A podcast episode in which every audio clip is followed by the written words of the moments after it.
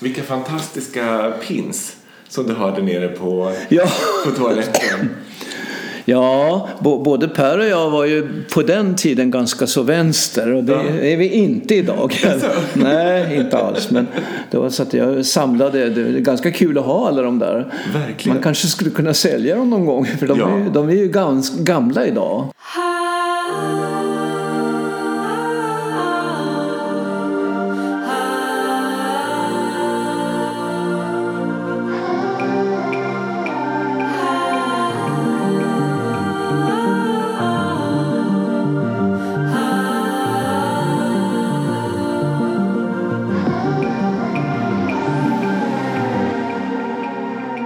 Jag heter Palme Lydebrant och du lyssnar på Queer Story. I det här avsnittet har jag pratat med Kjell. Kjell är lärare och har länge varit en eldsjäl inom RFSL och queerrörelsen i stort. Han var bland annat med och startade den första homosexuella frigörelsedagen som sen blev homosexuella frigörelseveckan. Vi pratar om det osynliga arbetet bakom. Han berättar bland annat om hur RFSL-förbundet började försöka göra lokala föreningar ute i landet. Om osynligheten under 60-talet. Han berättar om samtalet med Barbro Westerholm under demonstrationen på Socialstyrelsens trapp. Om reseledartiden, Humlegården och hur gemenskapen inom RFSL formade hans identitet. Vi pratar en del om de som gick förlorade i aids och om stödgruppen som han var med och startade tillsammans med flera kollegor på RFSL. Vi pratar om begravningar och en del berättelser om bögar som levde ett dubbelliv. Kjell reder också ut länken mellan RFSL och pedofila arbetsgruppen under 80-talet. Det är ett klockspel som låter ganska mycket i intervjun och det hade jag inte en tanke på när jag gjorde den här inspelningen för snart ett år sedan. Det sker fyra gånger under de första 20 minuterna så ha tålamod, det kommer gå över. Det här är Queer Story med Kjell Rindar. Även vi hade ganska roliga, vi hade ju sån här, det var ju lite tradition bland homosexuella. I den tidiga homosexuella rörelsen på, i Tyskland på 1800-talet, 1890-talet, så hade de ju kvinnonamn för att liksom gömma sig lite grann och också på skoj. Va? Den här Magnus Hirschfeldt kallades för Tante Magnesia och, och, och sånt där. Va? Och vi hade ju också, vi hade såna där som eh, Billiga Berta Berta, Villiga Vera, Hemska Hildur och, och sådana där roliga namn. Det hade vi faktiskt. vad du hade? Eh, Helga kallades jag, Hemska Helga eller någonting. Ja, mm. för hemska? Eh, Ja, det, var, det skulle vara något adjektiv som var lite kul. Va? Och, och ehm, Eldiga Elisabet kallade, kallades Jon Foss för, tror jag. Eldiga Elisabet. Det var, det var såna där roliga... Eh, Georg var nog Billiga Berta och sånt där. Ja. Eh, jag heter Kjell Rindar och jag är född 1941. Och eh, jag tycker att jag lever ett bra liv idag även om jag har en stor saknad efter Per som dog för tio år sedan. Precis. Sorg kan få en annan färg men saknad går aldrig över. Det blir bara värre egentligen. Men jag lever bra. Jag har en väldigt omtänksam och bra pojkvän. Jag är lärare i tyska och spanska men också svenska eh, som främmande språk. Jag jobbar fortfarande på Senioruniversitetet. Och jag och försöker röra på mig, åka skidor, gå på gymnastik och skridskor. Fast balansen är inte lika bra idag när jag är 77 år. Eh, Men jag tycker att jag trivs med livet och har det bra. Och jag har sen slutet på 60-talet alltid haft katt och har fortfarande katt. Han heter Urax. Men var du med och startade första, eh, var du med och, eller gick på första homosexuella frigörelseveckan? Ja, ja det var, det var, vi var några då. Då hette det faktiskt homosexuella frigörelsedagen. Det var en dag. Eh, och då, då hade ju vi tänkt högtidlighålla det här, eh, ja du vet Stonewall-grejset som var eh, och så. Men vi valde då i alla fall inte, eftersom Stonewall det eh, sammanfaller med midsommar, så vi valde då någon gång i augusti tror jag. Och då var det en dag som vi gick från, om vi ställde upp i Humlegården möjligtvis, och så gick vi till Vasaparken. Och Vasaparken, där hade vi bokbord och där hade vi eh, en scen och där hade vi lite, ja, som en parkfest med lite uppträdande. Eh, Jan Hammarlund var säkert där och sjöng. Och även det som skrevs, ja vi hade, fanns ju i USA, fanns ju en del i Tyskland, fanns en del skrivet och så. Men, så att vi hade, men vi hade till och med ett litet bokbord då. Mm. 1977. Ja, det var spännande. Det var väldigt kul och det blev ju en succé. Jag tror att vi var då 300 människor i tåget. Det var ju väldigt få som vågade då. Va? Den allra, allra första demonstrationen i Stockholm och den var jag faktiskt med på också. Det var eh, Revolt.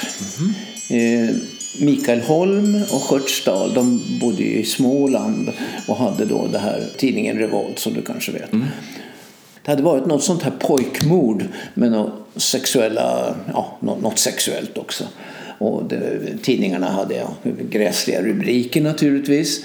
Och då eh, hade vi en slags, tror att det var en protest mot pressens eh, snaskiga skvallerattityd till mm. just det här. Så att vi gick igenom stan och vi var 12 eller 14 stycken. Två illröda poliser gick längst fram. Vi hade begärt tillstånd och så. Och jag tror vi gick till någonstans ifrån till Sergels torg. Och det var, ja, det, det var ju fantastiskt. Men det var ju en väldigt liten grej. När var det då? Gissningsvis 74, 75 någon gång. Och sen var det någon gång en demonstration också i Uppsala. Det var jag inte med på men när RFSL började bli mera aktivt. Och det måste ha varit ja, 72, 73 också någon gång. Eh, jag törs inte säga. Jag var ju förbundsordförande 73 tror jag. Där 72 var jag förbundssekreterare var jag nog. Men jag var inte med så att säga då av, den, av någon anledning. Efter 77, 78 så blev det redan en vecka. Då mm. hette det homosexuella frigörelseveckan. Och sen fortsatte det ända till 90 Ja, Pride, första Pride var väl 97 va? Ja, 98 första. 98, ja. då var det till och med 97 då. Och de, de minnena tycker jag, eh, det här med att stå på barrikaderna mm. med flygblad och dela ut flygblad i stan och så.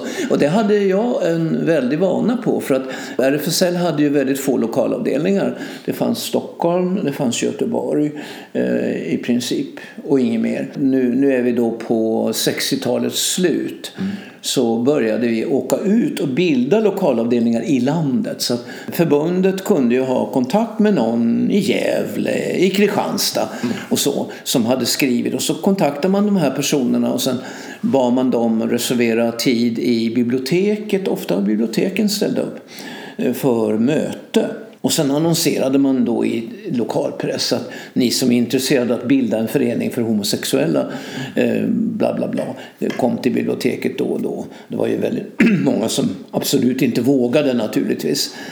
Och eh, så hade vi alltid flygbladsutdelning på torget samma dag. Så jag har stått på torget i Kristianstad, i Gävle, i Västerås.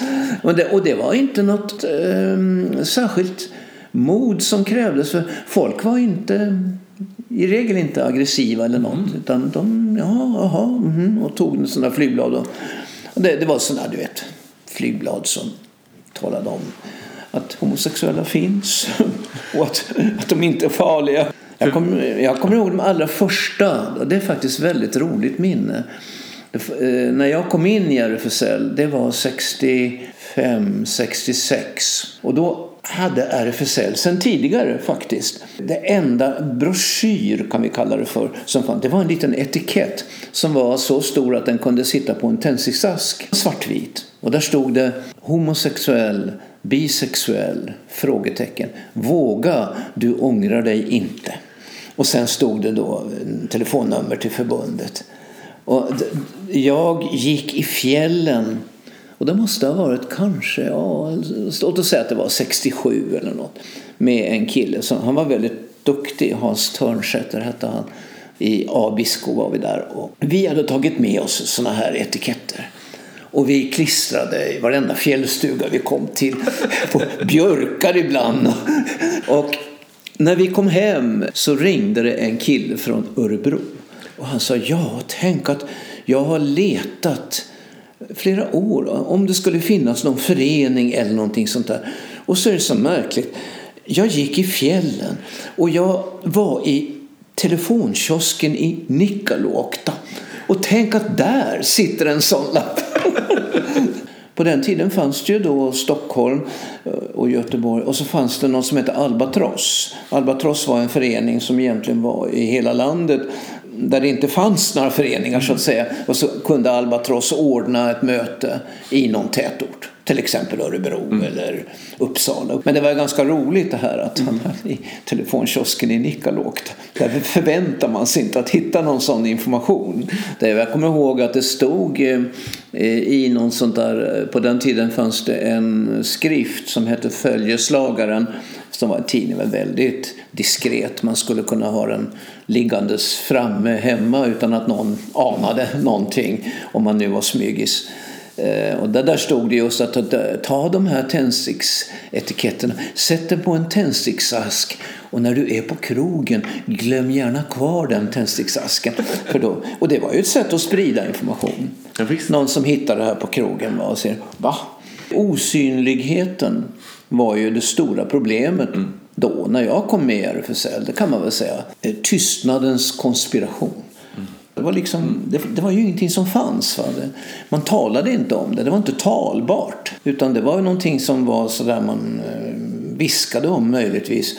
Och det var, dessutom var det på samma nivå som ja, vad du vill, eh, mentalsjukdom. Mm. Eller, det var på den nivån så att säga. Så det var någonting som bara inte fanns. Det fanns ju många exempel på det. Den här eh, Allan Hellman som var ju en av, han var den första han kallades inte för ordförande, förbundsinformationssekreterare eller någonting sånt där på 50-talet. Och han var den allra första som gick ut i både Veckojournalen och i tidningen C som fanns då, sån bildtidning, som öppet homosexuell. Och han bodde i Lysekil. Mm. Och eh, han blev ju väldigt, väldigt isolerad och utfrusen. Han berättade själv för mig att eh, sen då när det blev lite mer känt det här med homosexualitet eh, och då är vi inne på 70-talet eller så. Det stod en del i tidningen och så. Och då hade ju liksom folk som hade tagit avstånd kommit och sagt att ja, jo, men eh, det, det är inte, det, ja, vi hade nog fel eller så. Mm. Och då hade han sagt till dem ja, om det inte passade er förut så passar det inte mig nu. Han hade liksom tagit bestämt eh, sådär och talat, talat om vad han tyckte. Ja. Ja. Otroligt modigt att vara först. Ja, visst. Det var på både om man tänker sig 50-talet. Det var ju precis efter de här skandalerna hade briserat med Keynes och Haijby och sånt där. Alltså det, var, det var ju kolossalt duktigt. Sen fanns det ju då den här, eh, han var smed från Surahammar, Torssell, vad hette han? Torssell, ja. Han var ju en, en, också en väldigt drivande kraft och var med och bildade RFSL och hade goda relationer med RFSU, till exempel mm. Elise Ottesen Jensen. Eh, Erik Torssell hette han. Mm. Och, eh, han var ju också begåvad talare och han höll ju föredrag om allt möjligt i Stockholm eh, och så, där, som anlitades mycket av förbundet. Och jag eh, fick tips på honom och då bjöd vi in Erik Torssell till Timmy då på den tiden. Och det var ju väldigt kul att höra på honom. Ett par gånger var han där. Och sen tog ju Fredrik Silverstolpe kontakt med honom och gjorde en hel bok om mm. honom. Och sen Erik Torssell gick väl bort någon gång på 80-talet skulle jag tro.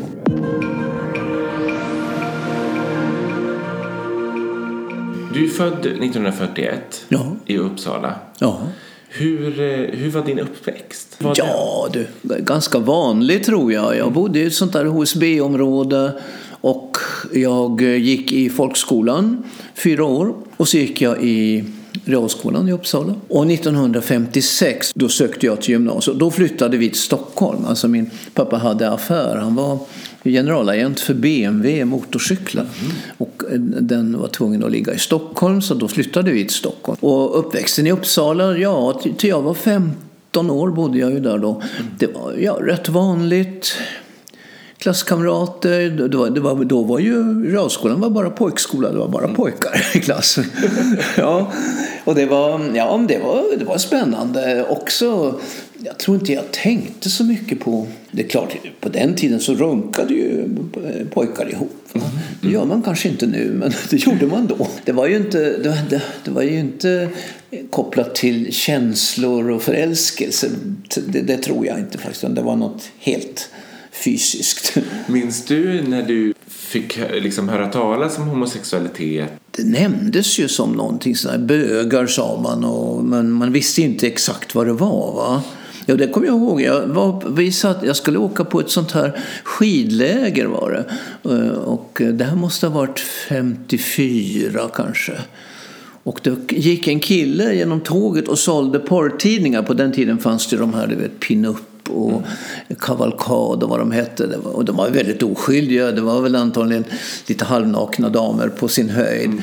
Och då vet jag att jag sa helt spontant till den där killen. Har inga, har inga tidningar med nakna karar i?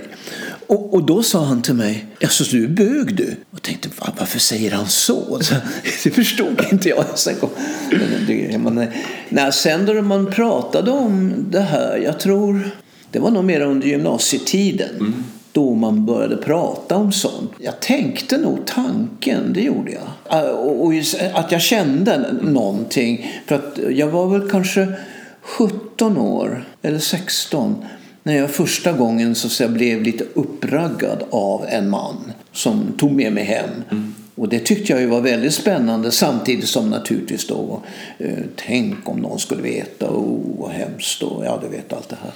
Så, att, eh, och det, så det var ju någonting som fanns då. Då hade jag liksom börjat tänka. Jag kunde inte eh, få någon identitet. Nej. Det kunde jag inte. Och, och sen åkte jag ju ut då som reseledare 63 till först Mallorca och sen Kanarieöarna. Mm. Och som reseledare så kommer man ju in i en bransch som är proppfull av bögar. Hur, hur märkte man det? Ja, alltså det, man träffar ju andra reseledare och man eh, förstod ju på det sätt de kanske tittade på en, pratade med en var att, att de faktiskt var bögar och att det fanns många eh, faktiskt och, eh, folk som reser. Så där träffade jag ju då på Mallorca till exempel träffade jag vet jag, en holländsk kille som bodde på mitt hotell. Eller han, ja, på ett hotell som jag hade ansvar för. Och, eh, vi, eh, honom lyckades jag locka upp på mitt rum och sådär. Men det var ju fortfarande väldigt, och väldigt skräckfyllt för att jag jobbade för Vingresor. Om, Ving, om detta skulle komma fram till Vingresor, vad skulle de säga? Jag tror i och för sig att det hade, ingenting hade hänt för de var så vana vid det, skulle jag tro. Men det, det, det, visste jag ju inte då. Jag var ju bara, herregud, 22 år. Och det var inte som att man pratade kollegor emellan om, om det här? Nå, det, jo då, man kunde höra att det viskades om det. Mm. Att det fanns minsann karar som, som gillade karar och sånt där. Jag vet att jag kommer ihåg när jag åkte hem ifrån min reseledartid i Eh, då hade jag varit på Kanarieöarna nästan ett år. Och där hade jag ju träffat killar. Mm. Det, för jag vet att jag, innan jag kom till, till Las Palmas så hade jag träffat en tjej på Mallorca, en svensk tjej som hade jobbat som reseledare i Las Palmas. Så jag frågade henne hur, hur är det där? Och hon sa Ja, det är bra och sådär. Men eh, vad du gör, gå inte ner på stranden på kvällen för det är bara bögar. så det visste jag redan. Att, så att eh, jag var ju ganska snabbt nere på stranden på kvällen. Men sen tänkte jag, jag tror att jag tänkte när jag åkte hem därifrån att ja men när jag kommer hem nu skulle jag fortsätta att läsa, jag hade då läst tyska, jag skulle läsa spanska och sådär på universitetet tänkte att då kommer jag att sluta med mm. allt det här. Men sen då när jag kom hem så då visste jag ju det här Humlegården, det visste ju alla. Va? Så mm. då gick jag till Humlegården faktiskt. Och jag ställde mig där, jag vågade inte gå in i Humlegården utan gick. På den tiden fanns det bussar utanför Humlegården som gick till olika. Så jag ställde mig där vid en hållplats och så kom det fram en kille i min ålder till mig. Så vad står du här för? Då sa jag, jag väntar på bussen, sa jag. Då stod det på den busshållplatsen endast för avstigande. och då träffade jag en kille som tog med mig till, och det här, var, det här måste ha varit vid jultid. Han tog med mig till en sån här stor baluns på Fjädern. Det är Badmintonförbundets eh, lokal var det på Lidingövägen. Mm. Där eh, RFSL hyrde för stora fester. Mm. Och han tog med mig på, för en sån där fest. En tretton dag var det nog. Och det var en fantastisk upplevelse plötsligt att träffa massa killar och, och framförallt då var man ju själv ett kex. Mm. Så att det var ju bara att välja och vraka och jag, jag blev ju väldigt eh, attraherad då av en kille som tog med mig hem och sådär på Kungsholmen. Hur gammal var du då? Då var jag 22-23. Då kom jag in i RFSL. Mm. Eh, för det, det, var väl någon som pratade med mig och sa att du skulle bli medlem och då kunde man för att bli medlem då så ska man ha rekommendation av två personer eftersom man var ju väldigt rädd för du vet, folk som skulle nästla sig in mm. för att sen avslöja och ja, bli besvärliga. Mm. Så då, då gick jag med. Och det, och det var väl det som började skapa en identitet det här med klisterlapparna till exempel kom då. Va? Att eh, man träffade folk som var mycket äldre än man själv var och som kunde liksom formulera att ja men vadå det här är precis lika bra som någonting annat. Och, och det, det var ju någonting man tänkte ja visst men det är det ju såklart. Mm. Så att det var väl egentligen en slags inskolning kan man säga. Och sen var det där, vi hade en av de aktiva på den tiden och hon fanns mycket på teamet. Hon hette Barbro Salin. En riktig, kan man säga det som vi kallar för dunderflata. Hon jobbade inom försvaret någonting och hon hade, hon hade skinnpaj och eh, jeans. Det var inte så vanligt på den tiden att tjejer hade jeans. Va? Och hon, eh, hon var väldigt ambitiös. Hon eh, översatte ju väldigt mycket tidningsartiklar och så från eh, USA där, som handlade om lesbiska och det fanns ju väldigt få på den tiden. Som hon, eh, hon var ju väldigt aktiv inom Albatross.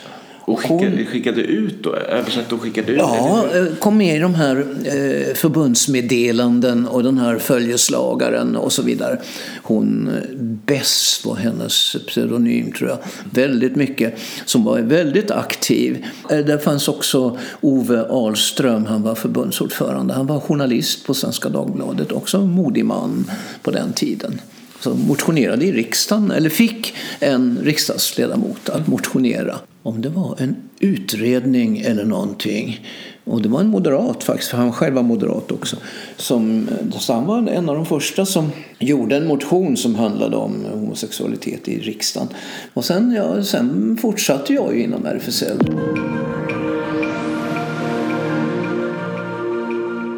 Hur ser liksom aktiviteterna ut?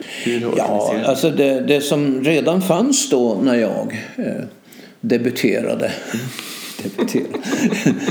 det var ju Timmy, alltså det, på Timmermansgatan. Det var ju en gammal mjölkaffär som då några väldigt driftiga hade. De hade samlat pengar till lokalfond och köpte den här lokalen eh, som sen hyrdes då. Och det var ju väldigt mycket socialt. Mm. Vi ordnade ju ja, så man kunde komma dit och dricka öl, dansa, träffas. Och sen det här med att vi började ordna någonting annat. Eh, så bjuda in författare, polisen, någon präst. Det kom först, ja, jag skulle säga mitten på 70-talet. Mm. Och då hade vi så, alltså, en liten programafton där då. Men sen började också skolinformationerna i den, i den vevan. Och sen jobbade jag ju för RFSL då mellan 87 och 95 eller 93 kanske. Mm. Eh, just med skolinformation. Och du gjorde det på 70-talet också då? Då hade jag redan börjat som lärare. Jag hade gått ut lärarhögskolan i början, precis i början på 70-talet. Eh, och så eh, hade jag en tjänst på Sveaplan som var vuxengymnasium. Och så, så jag hade mycket kontakt med vuxenutbildning. Och, och jag var ju öppen då redan. Alltså, okay. Ja, konstigt nog. Det är väldigt sådär. Riktigt. Eh, så, per brukar kalla mig för mediahora. jag hade, blev ju ordförande i RFSL 73. Och, sen var jag också ordförande i föreningen RFSL Stockholm under ganska många år. Och sen blev jag ordförande en gång till, 83 kommer jag ihåg. Så att jag har varit i olika perioder. Och eh, då var man ju alltid öppen och då var det liksom eh, Ja, det kom ju folk och frågade. Mm. Kan jag skicka elever till dig och du informerar? Och sen eh, som sagt, ja, det ena gav det andra och det fortsatte det där. Minns du vad liksom reaktionerna från elever eh, var kring 70-talet? Det var, ju väl, det var ju olika. Det beror ju verkligen mycket på var man var någonstans. Men visst, det vanliga var ju att folk var nyfikna. Och som vanligt då tjejerna vågade fråga lite mer. Ja, du vet, killarna är ju så rädda för att bli misstänkta och sådär. Så de ville inte visa sig för intresserade.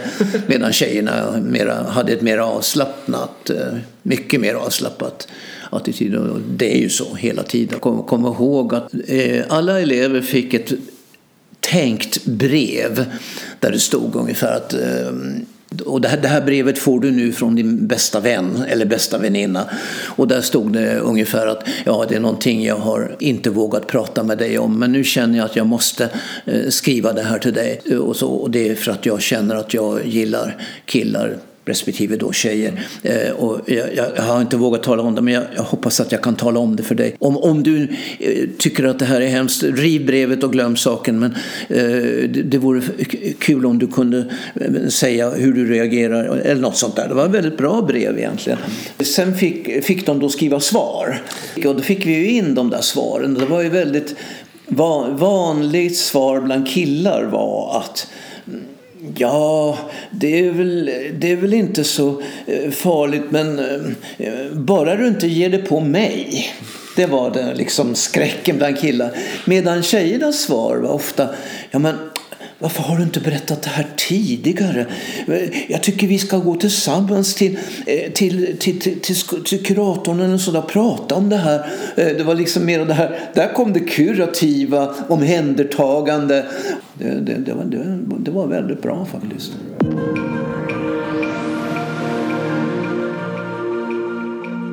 Eh, RFSL var ju inte bara för att man trodde på en idé, det gjorde man och, allt det här. Va? Det var ju också ett bra sätt att träffa killar. Mm. Väldigt bra. Vi jobbade ju eh, alltid frivilligt då på Timmy. Vi fick aldrig ett öre betalt. Så stod i baren och så vidare. Och det var ju ett väldigt bra sätt att träffa killar. Sen, och sen blev jag lite internationellt aktiv också så jag var med på de här IGA heter det då, ILGA heter det idag, mm. eh, konferenser och sånt eh, runt om. Representerande RFSL då. Så, ja. Och vi hade ju vissa nordiska konferenser också där vi, där vi eh, träffades, bara de nordiska förbunden. Vi hade något som hette, ja någonting hette det. Eh, så att då, då träffade man Finland, Danmark, Norge och, och, eh, och det, det, var ju kul. Och så träffade man ju folk i alla möjliga länder och sen hörde man ju mycket elände i många länder. Vi demonstrerade ju ofta varje homosexuell frigörelsevecka så valde vi ett riktigt jävligt land. Och så demonstrerade vi utanför ambassaden och delade Aha. ut flygblad. Mm, och hade flaggor och allt möjligt med oss. Och, eh, det kunde vara, en gång var det Iran, Finland, Spanien, Tyskland, Österrike, England. Vi hade en fantastisk demonstration en gång. Det var den engelska utrikesministern bodde på Grand Hotel. Lord Carrington tror jag han hette. Och där stod vi med eh, Stockholm Gay Radio var med också, spelade in.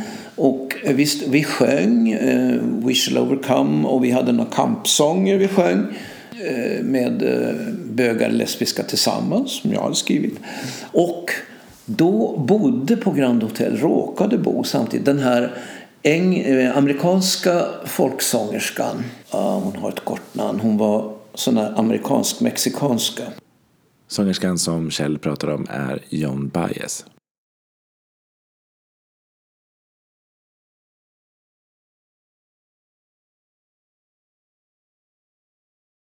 Hon bodde där för hon eh, hade konserter i Stockholm just då. Och då eh, tog hon reda på varför står vi där? Och så, kom hon, och så ställde hon sig och sjöng med oss. Är det sant? Helt fantastiskt. Ja, vi har den inspelningen på Stockholm Gay Radio. Du sa en kampsång som du hade skrivit. Minns du hur den går? Det, det är sån där vanlig, vet du. Den, eh, och eh, vi har slutat smyga, vi ska säga ja till oss. Bryta seklers tystnad, för vår kärlek ska vi slåss. Böga, lesbiska tillsammans. Massa verser. Jättefint. Ja, den sjöngs ju väldigt ofta på alla de här frigörelseveckorna. Och frigörelseveckan var, tycker jag, det var väldigt eh, livgivande på något sätt. Jag gillade just det där med flygbladsutdelningar på stan. Jag var ju liksom lite grann uppfostrad i det också. Och att vara på ute bland folk. Så vi hade, och vi hade ju väldig frihet. Man fick, i princip fick man måla vilka plakat man ville. Det var ingen som egentligen la sig i Vi hade ingen censur. Jag kommer ihåg en enda gång ett ingripande och det var en äldre man från Boliden. Och den här äldre mannen sa man, han hade på den gamla tiden, alltså 50-60-talet, då hade han cyklat till möten med Albatross från Boliden. Stockholm tar ju en vecka. Och, och, han, nu var han ju gammal. Han kom och, han och det här måste ju ha varit ja, kanske 80-talets början. Han tyckte det var så himla orättvist det här att eh, heterosexuella de har barn, eh, homosexuella vi har inga barn och så vidare. Men de andra, de heterosexuella har så mycket fördelar. Så han hade gjort det, ett plakat där det stod Kastrera alla tvåbarnsfäder. Och vi tänkte, nej men herregud. Det, det, det, det plakatet, det, det, försvann. Och han fick ta någonting annat. Men annars var det väldigt frihet. Så här, vi hade ju slogans som vi skrek i tåget då. Det var ju spontana slogans. Som eh, vi är arga, inte snälla, vi är homosexuella. Eh, ut ur buskarna, in i samhället. Eh, vi är många fler, de flesta står bland er. Eh, och eh, det var ju, sen var det ju då många som hittade på egna, mera vågade jag tror det var homosexuella socialister som hade vi ber inte längre böner, nu förför vi era söner. och undan ur vägen, det kan smitta, kuk mot kuk, fitta mot fitta. Det var, men det var väldigt mycket roligt där alltså på frigörelseveckorna, det tycker jag. Det var ju hemskt jobbigt. Väldigt jobbigt. Och sen var det olika grupper då, en samordningsgrupp som samordnade och sen var det, var det ja, plakatgrupp, flygbladsgrupp, allt. Vilken grupp var du med i sam, samordningsgruppen? Eller var du... Ja, jag var väl nog nästan alltid i samordningsgruppen, det tror jag. Så många människor som mm. gjorde så mycket. Och, också väldigt många som gjorde sånt som inte märktes och syntes. Eh, inte minst, jag tänker på när klubben var öppen varje kväll. Va? Man skulle städa när man kom. Man skulle se till att toaletten var ren, man skulle eh, bre smörgåsar, och allt sånt där. Och det är många som, vi hade en tjej till exempel, Freja, hon mm. såg till att det fanns mat och ja, diskborstar och vad som helst. Och det, det gjorde hon ju ständigt, ja. flera års tid. Och, eh, så det var sådana jobb som ingen märkte Nej. men som var väldigt många som då var klubb, man kunde sätta upp sig som klubbvärd. Det var jag ofta också. Eh, på timmen. Så man stod i baren. Eller så satt man vid entrén för man kollade ju medlemskort och mm. sånt där. Vi hade ju inte utskänkningsrätt som Nej. allmänt utan vi hade som slutet sällskap. Och då måste alla vara medlemmar eller ha ett gästkort. Mm. Som klubbvärd så skulle man redovisa dagens kassa. Då skulle man lägga in det i ett sånt där bankkassafack som fanns. Du vet, man slängde in en påse och så mm. försvann den in i banken. Och eh, det fanns ju då eh, medlemmar som eh, såg att plötsligt hade de en kassa på 3-4 tusen i mm. handen och den kassan försvann och så vidare. Så det var mycket sådana problem hade vi faktiskt. Förskingringar.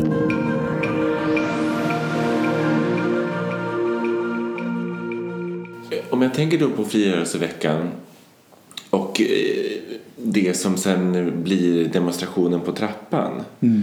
Det som ledde upp till det med sjukskrivningar och, och den, mm. den rekommendationen från RFSL. Var du med och liksom samordnade det? Ja, oh ja, i högsta grad. och hur var det? Det var Sten Pettersson, han är ju död sedan länge nu, men han var ju väldigt aktiv då. Och några stycken till var vi väl.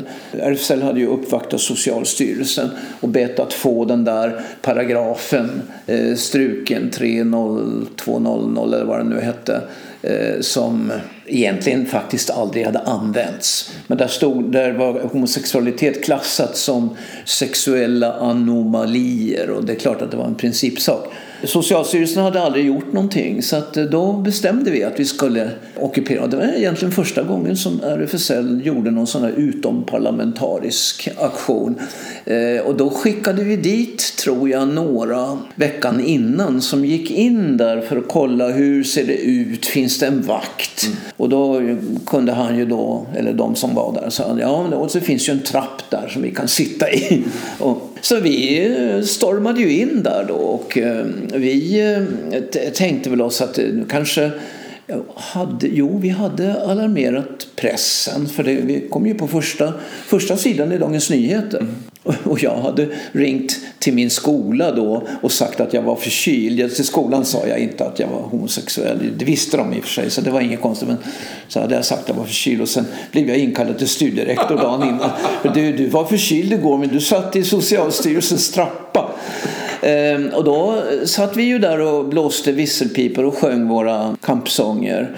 Till slut kom ju hon ut då, Barbro Westerholm, som ju idag är ett helgon med all rätt, för hon har ju gjort kolossalt mycket för oss.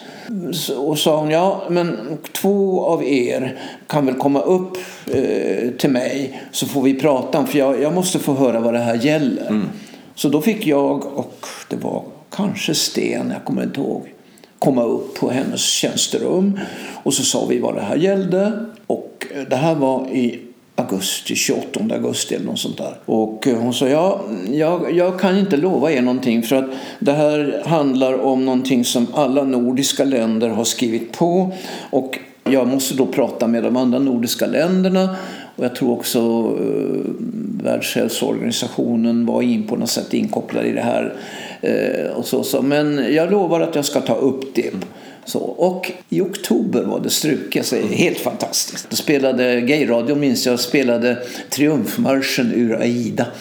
Men den här um, aktionen innan med att sjukskriva sig och sådär. Um... Ja, det hade vi bestämt före den här ockupationen. Då. Att nu ska vi ringa till Försäkringskassan och sen ska vi sjukskriva oss för homosexualitet. Och det visade sig att det, det, det, lyckades inte eftersom de, när man är sjukskriven så måste det vara på grund av att man är oförmögen till arbete och det var man ju inte. Men det var en tjej, Ann-Marie i Jönköping hon blev sjukskriven. och det var misstag antagligen för att det var inte, det var inte legalt så att säga. Det var ju, ganska, det var ju telefonsvarare så det var väldigt lätt att ringa och sjukskriva sig på grund av homosexualitet. Eh, så det, det gjorde ju många då. Och det, där, det var ju väldigt kul det där i trappan. Det har, och det tycker jag har varit eh, väldigt fantastiskt att se det här med åldersgränsen. 1973 när riksdagen ställer sig bakom ett uttalande att samlevnad mellan människor av samma kön är en ur samhällets synpunkt helt acceptabel samlevnadsform. Mm. Uttalade man då. Och det Redan 73? 73. Ah. Mm. Och det resulterade ju sedermera då i den här utredningen om mm. homosexuella i eh, samhället. Allting blev ju mer och mer likställt mm. ända fram till ja, partnerskap som kom. Per och jag ingick partnerskap bland de första mm. då. Vi var åtta par var vi mm. i stadshuset då. Och sen hade, hade vi häst och vagn till RFSL-huset för att fira efteråt och fick telegram från Mona Sahlin, hon var ju vice statsminister då, som gratulerade och så. så det har ju varit väldigt kul mm. att det, så mycket har hänt.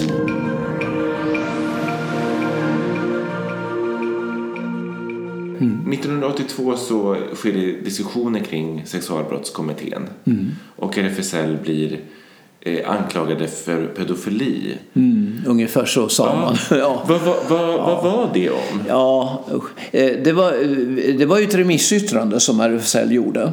Eh, som var ett, där vi ansåg. Och det var ganska, det var inte bara vi som ansåg det, till och med Skolöverstyrelsen ansåg också det. Att man behövde ingen eh, särskild åldersgräns eftersom övergrepp kunde bestraffas genom andra lagrum så behöver man inte ha någon åldersgräns. Och sen hade vi till eh, vårt remissyttrande utan kommentar hade vi bifogat en skrivelse från det holländska förbundet där man mer eller mindre sa att unga pojkar som har sex med vuxna män de har det för att de själva vill och väldigt ofta så är den unge den som förför och eh, för många unga är det här ett bra stöd i livet och så vidare. Eh, det var ju ganska radikalt i och för sig då. Va? Ja, och den bifogar vi bara för att visa att i andra länder så såg man på det här på ett annat sätt. Eh, och sen kom det där och då bildades, bildades i RFSL, det hade kanske bildats tidigare, en arbetsgrupp som hette Pedofila arbetsgruppen. Ett mycket olyckligt val av namn. Och, den här, och de här pedofila arbetsgruppen, de, de var intresserade av unga killar i princip. Alltså det handlade om 16-17-åringar och det handlade inte om barn. Eh, så det var ett väldigt olyckligt val. Sen var det då någon, framförallt en, hon upptäckte ju det här och hon gjorde en stor sak om det och eh, verkligen slog på stora trumman. För vad var gruppens syfte? Den här gruppen var ju inte en RFSL-grupp egentligen utan det var en grupp som fick ha ett postfack hos RFSL. Mm. Så att de hämtade sin post hos RFSL.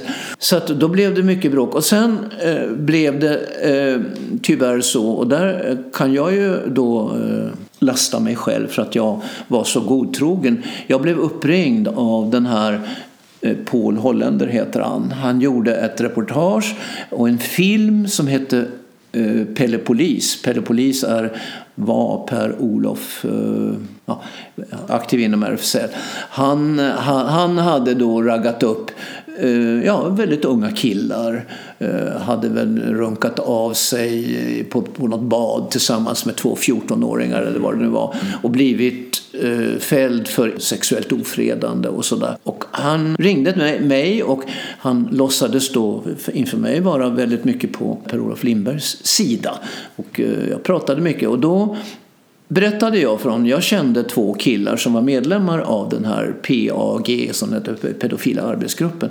Som jag, en, en av dem var min före detta pojkvän och jag kände dem mycket väl. Och de raggade upp unga killar. Det handlade inte om barn utan det handlade om ja, killar ja, jag berättade då om det här och jag eh, var ju upprörd över den enorma hysteri som hade utbrutit kring det här med eh, den här gruppen. Det var ju ett väldigt dumt namn. Alltså de skulle egentligen ha hetat eh, någonting annat än pedofila arbetsgruppen för att man föreställer sig då någonting helt annat än vad det var. Ja, det låter ju verkligen som att man jobbar för... Ja, ja visst, mm. visst. Men i alla fall den här Paul Holländer då, jag borde ha varit misstänksam, han smygbandade den där intervjun mm. och sen klippte han ut. Så att det såg för det första så såg det ut som att jag jag var väldigt intresserad av unga killar, vilket jag inte alls var. Och det, det där eh, kom då i den här filmen. Han satte in då citat så här. Va? Och eh, det blev ju väldigt mycket. Jag, var då, jag jobbade i Spanien då. Eller jobb, ja, det gjorde jag ett, ett år. Så Per sa det, ja, det är bra att du är i Spanien så att du slipper höra det här. Och det var ju debatt på tv och det var allt möjligt. Och det var ju Kjell Rindar som en riktig pedofilfrämjare och, och det ena med det andra. Och sen slog jag upp, jag har bara gjort det en gång på nätet och där har någon som heter Ruben någonting från Livets Ord skrivit om RFSL som ett näste för pedofiler. Där stod det bland annat också att Kjell Rindar är straffad för sex med minderårig. Stod det. Men det hade någon gått emot och sagt att det är inte sant. Mm. Och det är faktiskt inte sant. Uh, Anna, Anna Moore och jag. Anna Moore var ju väldigt aktiv inom Eko. Sen blev hon väldigt aktiv i RFSL och i AIDS um, ja, RFSLs AIDS-grupp. Hon och jag blev, ut, blev ombedda att öppna Pride 2011. Och ja, vi skulle stå där och det gjorde vi också så småningom. Men då var det någon som kontaktade Pride-ledningen och sa men herregud, Kjell Rindar kan ni väl inte ha? Han är ju si och si och så. Och då, och då skrev jag ett långt klargörande av det, hur det här hade gått till. Den här holländer och hans lösryckta citat av mig och från en smygbandad intervju och det blev och så, så att då, de, ja, de, de trodde på mig. Så, så att det, det, blev en väldig... Och sen var en, stor, en stor debatt inom RFSL också så att jag fick skriva en hel del i, eh, vår, i vår tidning, alltså den, alltså den lokala, mm. RFSL Stockholms tidning. Eh, och så. Och det la sig så småningom men det var, det var besvärande. Och det här att RFSL 1982 ansåg det här, eh, Eh, det var som sagt inte bara RFSL som gjorde. Men eh, med dagens ögon då så var ju väldigt många, och väldigt många är ju intresserade av att skruva upp den här frågan väldigt mycket. Att det här är ju förfärligt och hemskt. Men det var ju ett väldigt olyckligt namnval.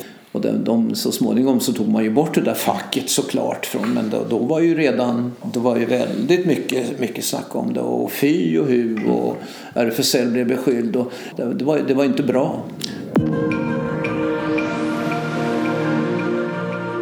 Men sen, var jag, sen kom ju utredningen, det var en stor grej under 80-talet. Den här utredningen om homosexuellas eh, situation i samhället. Som ju i förlängningen eh, utmynnade i det här med partnerskap. Sen var det ju väldigt utvecklat med adoption och, och möjlighet till adoption och så vidare. Plus till och med gayäktenskap som det blev så småningom. Så det var en väldigt livgivande tid. Tills då den här stora olyckan med hiv och aids kom som var en förfärlig olycka egentligen. En av mina första pojkvänner, Lars Malmqvist hette han, han var det andra fallet i Sverige. Och på den tiden dog man ju. Det, var, det fanns ju ingenting annat. Nej. Idag är det ju, ja, folk kan ju leva ett vanligt liv. Eh, och eh, så, så att, och sen det är den ena efter den andra. Trevliga, öppna, roliga människor. Jag kände ju folk som kanske hade en eller två kontakter om året och råkade ha fel kontakt just då och, och um, fick betala väldigt uh, dyrt för det. Det var en förfärlig tid, verkligen. Alla fördomarna, alla, uh, alla fobier kom fram och så. Samtidigt som jag tycker att Jonas Gardells eh, serie som naturligtvis är väldigt bra på många sätt. Han tar bara upp det eländiga. Det fanns ju faktiskt väldigt många bra saker. Det fanns vårdpersonal som absolut kunde torka tårar utan handskar. Ja, i, alltså, alldeles första början så var det kanske ganska befogat för då visste man ju inte. Man visste inte ens att det var ett virus. Va? Och man visste inte hur, om det fanns luftburen smitta och sådär. Alltså, det, var, det, det var förfärligt. Jag hälsade ju på Lars då när han var eh, riktigt, riktigt sjuk på mm, Roslagstull Nej, på Danderyd låg han. Och jag hade ju aldrig sett någon sjukare än Röda hund eller sådär. Jag blev så fruktansvärt chockad. Och eh, han hade svårt att andas och, och sådär. Så det, ja, det var eh, helt förfärligt. Och där eh, kunde det komma in då en eh, undersköterska med kaffe och med en sån här grej för ansiktet och räcka fram en kopp så här. Alltså, det var så hemskt. Inte ens titta på? Vad... Nej, nej, knappast alltså. För att, men det är klart, samtidigt, man visste ju inte. Och jag kommer ihåg, jag var så tagen av det här besöket för jag hade aldrig sett någon så sjuk och dessutom en människa som man då gillar och som man har tyckt om under många år. Och eh, då fanns det någon sköterska där som såg sådär lite moderlig ut. Jag tänkte, Oh, tänk att få träffa henne och prata med henne och kanske gråta, för jag ville verkligen gråta. Så då sa jag till henne, du, eh, jag skulle vilja ha ett glas vatten, kan jag följa med dig och få ett glas vatten? Eh, vatten finns där nere i entrén, sa hon. För att det var ju sådär, man fick inte komma in, du vet, det var epidemisjukhus, man fick inte röra sig emellan. Så, så. Oh, det var så hemskt. Och sen blev det den ena efter. Jag vet att jag hade, jag tror jag hade 23 kors i min kalender. Och det var då inte bara nära vänner, men det var vänner och bekanta och väldigt många nära vänner också sen. Så småningom blev det. Så det var, det var en förfärlig tid.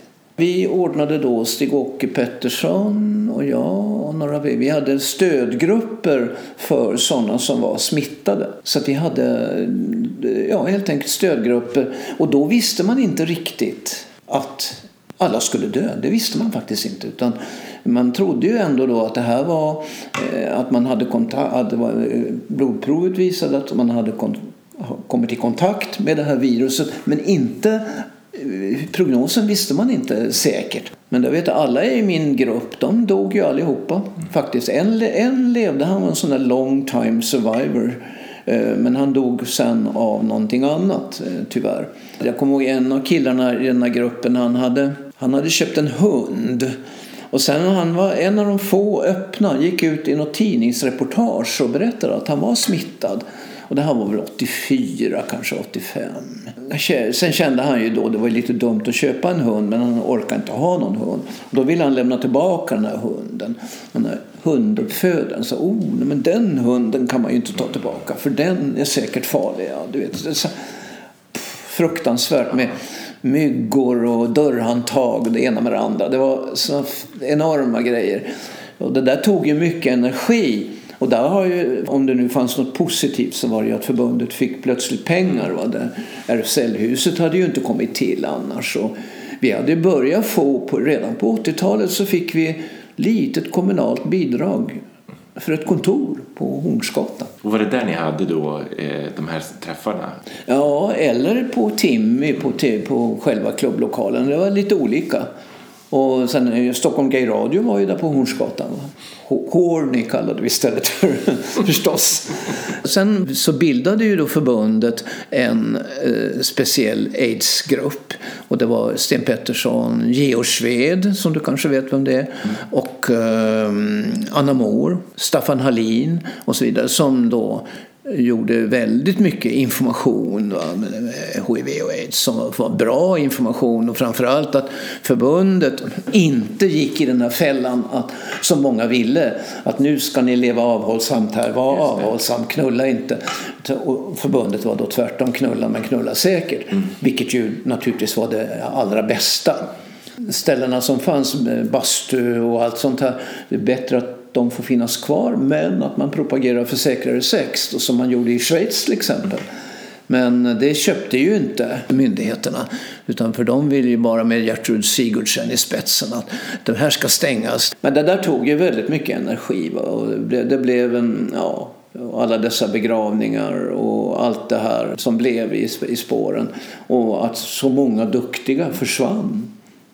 Det försvann ju en massa duktiga människor.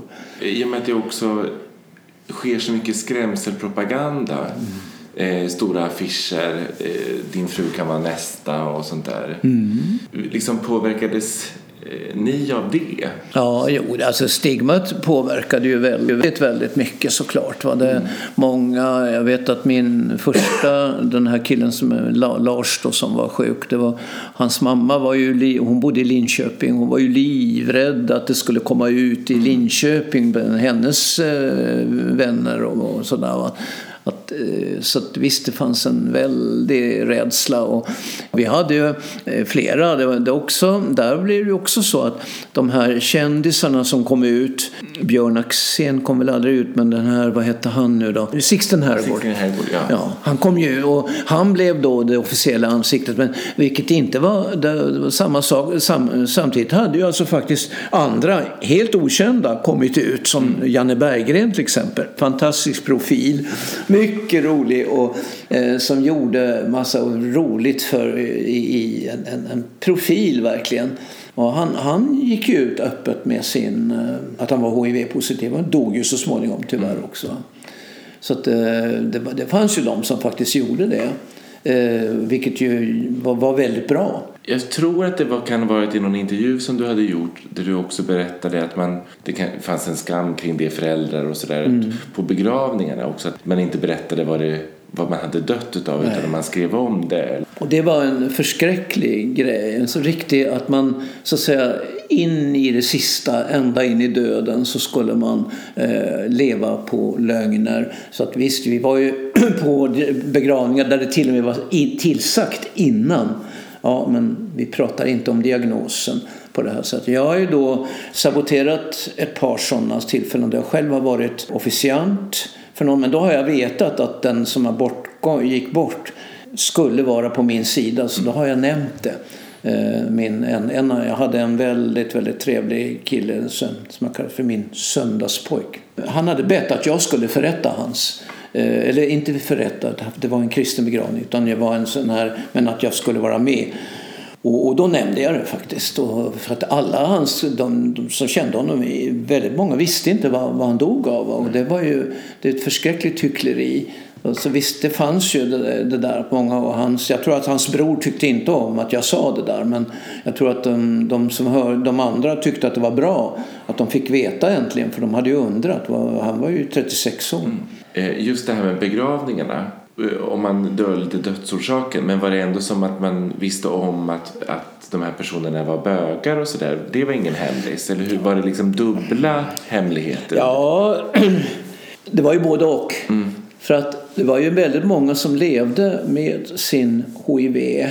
Och hiv var hemligstämplad eftersom den skulle ha lett till kunskapen om det andra, nämligen att de var bögar. Mm. Och därför kunde de inte berätta om hiv heller. Utan de, det hittades ju på alla möjliga. Jag vet vi hade en kille i stödgruppen som hette Torsten. Och efteråt har jag tänkt, han hette nog inte Torsten. Och han hade alltså pratat med alla på sjukhuset, fick inte lämna ut någonting. Och han, ibland var han tvungen att lägga in sig på behandlingar och då sa han till sin pappa eh, ja, jag, eh, jag kommer att vara på kurs och man kan inte nå mig där för att det finns inga förbindelser men jag, jag jag kommer sen hem igen och, och så där. Och han, jag vet att han, hade, han skrev i sin dödsannons inga tal. Jag tog det personligt. Att det var. Men det var också väldigt, alltså han, hade, han hade instruerat varenda en. Ingenting, ingen skulle veta någonting. Och det var ju förfärligt alltså. Att leva i den situationen, veta att man snart ska dö och inte ens kan tala om varför.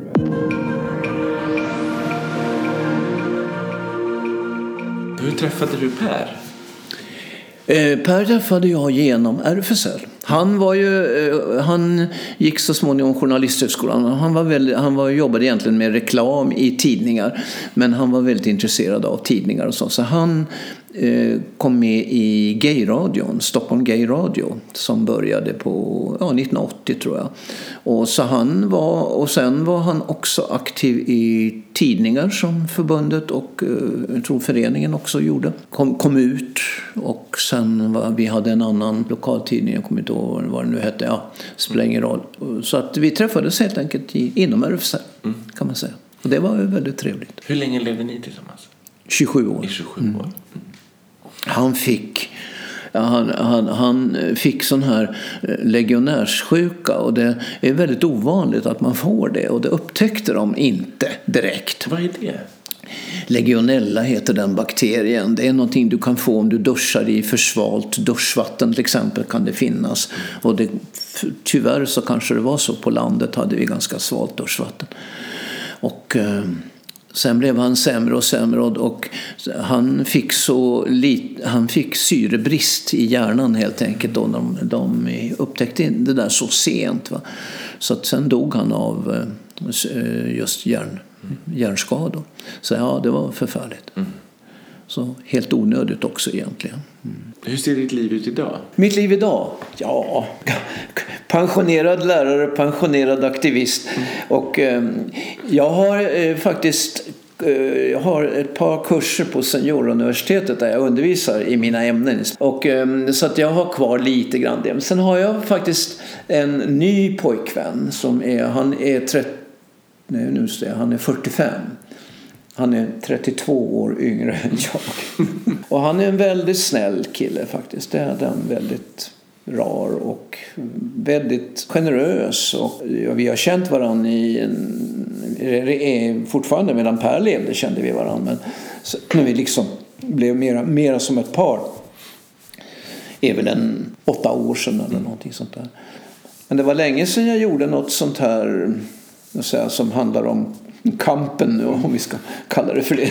Men jag är med i seniorgruppen idag och seniorgruppen är väldigt trevligt. Där träffar man ju många av de här som man inte har sett på 35-40 år mm. som kommer till seniorgruppen och eh, det är ju väldigt trevligt.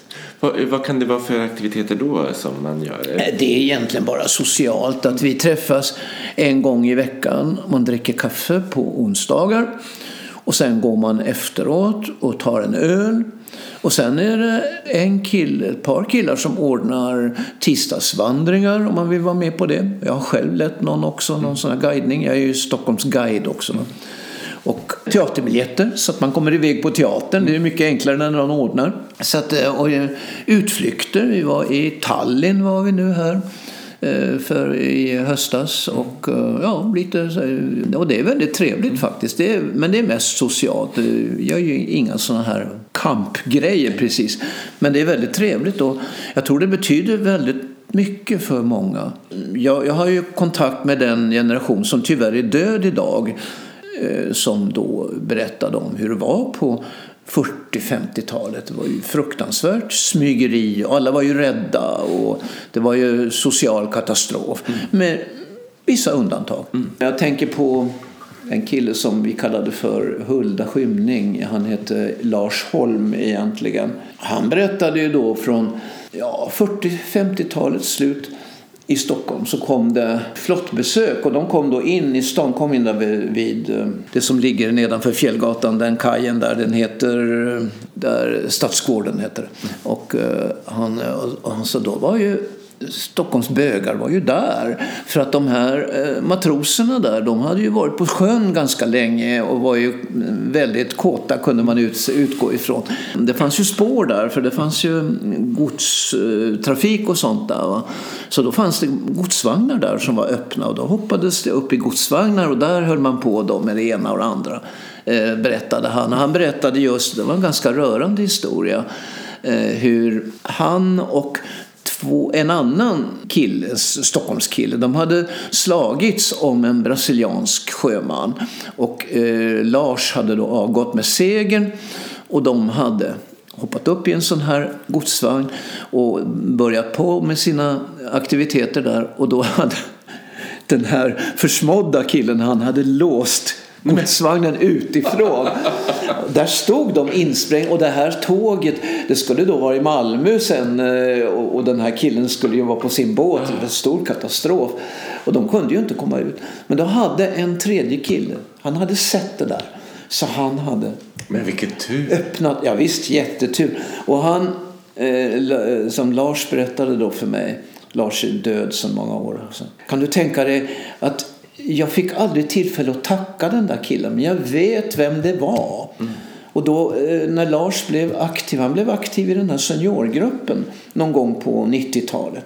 Då hade de gjort sådana besök på äldreboenden och där hade han träffat den killen och då, låt oss säga 40 år efteråt kunnat tacka honom för att han blev utsläppt. Jag kommer ihåg en kille som ringde. Vi hade ju en sån här jourhavande vän, hette det, va? som hade ja, varje, det var vissa dagar som vi satt då. En kille som hade hyrt ut ett rum till någon som var homosexuell som han inte kände så mycket. Och sen hade den där killen inte betalat. Han hade krävt honom på hyran och sen var han till slut tvungen att säga upp honom. Och då hade han som hämnd skrivit de hemskaste saker, så sa han, ta inte vad det stod. stod antagligen bögjävel eller vad som helst, på väggarna i ett rum. Och nu var frågan till RFSL. Jag tänkte, vad har RFSL med detta att göra? Jo, har, eh, har RFSL möjligtvis tips på någon homosexuell hantverkare som kunde tapetsera om detta rum. För han kunde ju inte släppa in en vanlig hantverkare. En annan kille kom jag ihåg som kom med eh, diabilder och det var diabilder på eh, statyer, så grekiska statyer, mm, väldigt anständiga nakna män i och för sig då. Va? Sådär, eh, som han sa, ja, jag är så pass gammal nu och jag vill inte att mina anhöriga ska hitta det här hemma hos mig. Och så skänkte han det till, jag har dem fortfarande kvar här faktiskt en, en, en god vän som åkte till Grekland och alla möjliga resmål och han hade en äldre mamma som vattnade hans blommor. Han misstänkte att hon rotade i hans grejer och brev. Han hade väl lite tidningar och brev och ja, du vet så här som man har. Så att då, in, innan han skulle resa så kom han till mig med en liten låda där mm. allt sånt här hemligt låg och sa att du, jag reser till Grekland så får jag komma med lådan. Mm.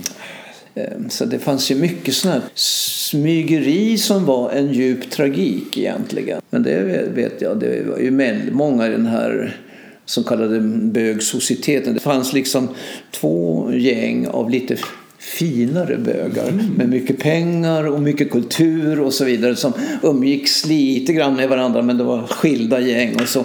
Och det var ju väldigt hemligt. Alltså, mm. Det fick ju inte komma ut för att de var ju ja, adliga eller mycket rika eller ja, du vet allt sånt där. Det skulle ju Just vara det. hemligt med locket på hela tiden.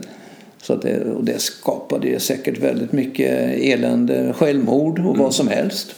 Säkert. Jag menar, det har ju varit mycket, mycket sånt. Och folk som blev hotade och allt möjligt. Men, och även om myndigheter blev behandlade som suspekta för att de var homosexuella. Du, tack Kjell för att jag har fått prata med dig. Ja, heter du Palmer verkligen? Ja. Va, va, vilket konstigt namn. Ja, det är det faktiskt. Det är eh, från min farfar hette Palmer i, i andra namn. Han heter i andra namn och han är från Västerbotten. Musiken är gjord av Anna Nordenström och Ilon Weide. Grafiken av Michelle Hammerfeldt. Tack för att du har lyssnat. Hej!